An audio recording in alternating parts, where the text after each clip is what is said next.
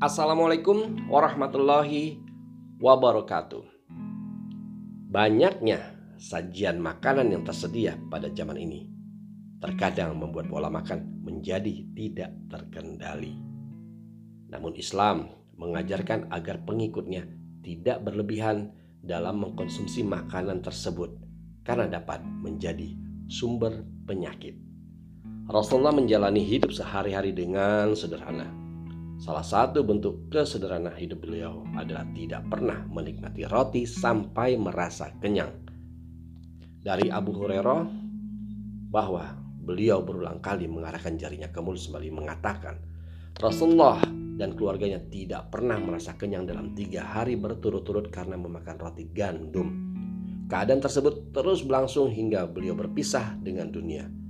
Hadis ini diriwayatkan oleh Muslim dan Ibnu Majah. Tidak hanya itu, pada suatu waktu keluarga Rasulullah juga pernah tidak memasak apa pun selama sebulan. Mereka hanya mengkonsumsi kurma dan air putih saja. Peristiwa ini diceritakan oleh Aisyah. Aisyah berkata, "Sesungguhnya kami, keluarga Muhammad, pernah selama sebulan tidak menyalakan api, tidak memasak apa pun kecuali kurma dan air. Hadis ini diriwayatkan oleh Muslim dan At-Tirmizi. Maka dari itu, salah satu perbuatan yang dibenci Allah adalah membuang-buang harta, termasuk di antaranya adalah membuang-buang makanan. Dari Mugiroh bin Syubah, Rasulullah bersabda, Sesungguhnya Allah membenci kalian karena tiga hal. Satu, kata-katanya berita dusta. Dua, menyia-nyiakan harta. Dan tiga, banyak meminta.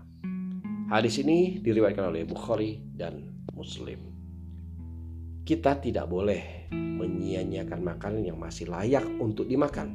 Sebaiknya jika kita sudah kenyang atau tidak suka, maka hendaknya menyimpannya atau memberikannya pada orang yang membutuhkan. Ada dua alasan larangan membuang makanan. Satu, perbuatan menyepelekan nikmat Allah termasuk perbuatan kufur.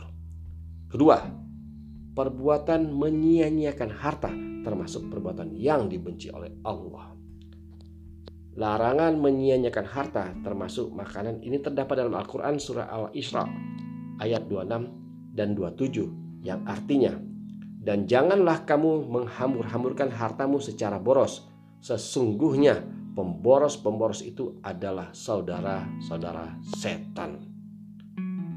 Suatu ketika Rasulullah datang bergilir kepada Aisyah. Beliau melihat sepotong pecahan kue, lalu beliau mengambilnya dan mengusapnya dan memakannya. Kemudian beliau bersabda, "Berlaku baiklah kalian kepada serpihan nikmat-nikmat Allah Jangan kalian menyia-nyiakannya. Jika ia hampir hilang dari suatu kaum, maka ia kembali kepada mereka. Dari Anas bin Malik yang diriwayatkan oleh Baihaqi. Hadis tersebut menganjurkan agar kita berlaku baik terhadap serpihan nikmat-nikmat Allah dengan cara memeliharanya dan mensyukurinya.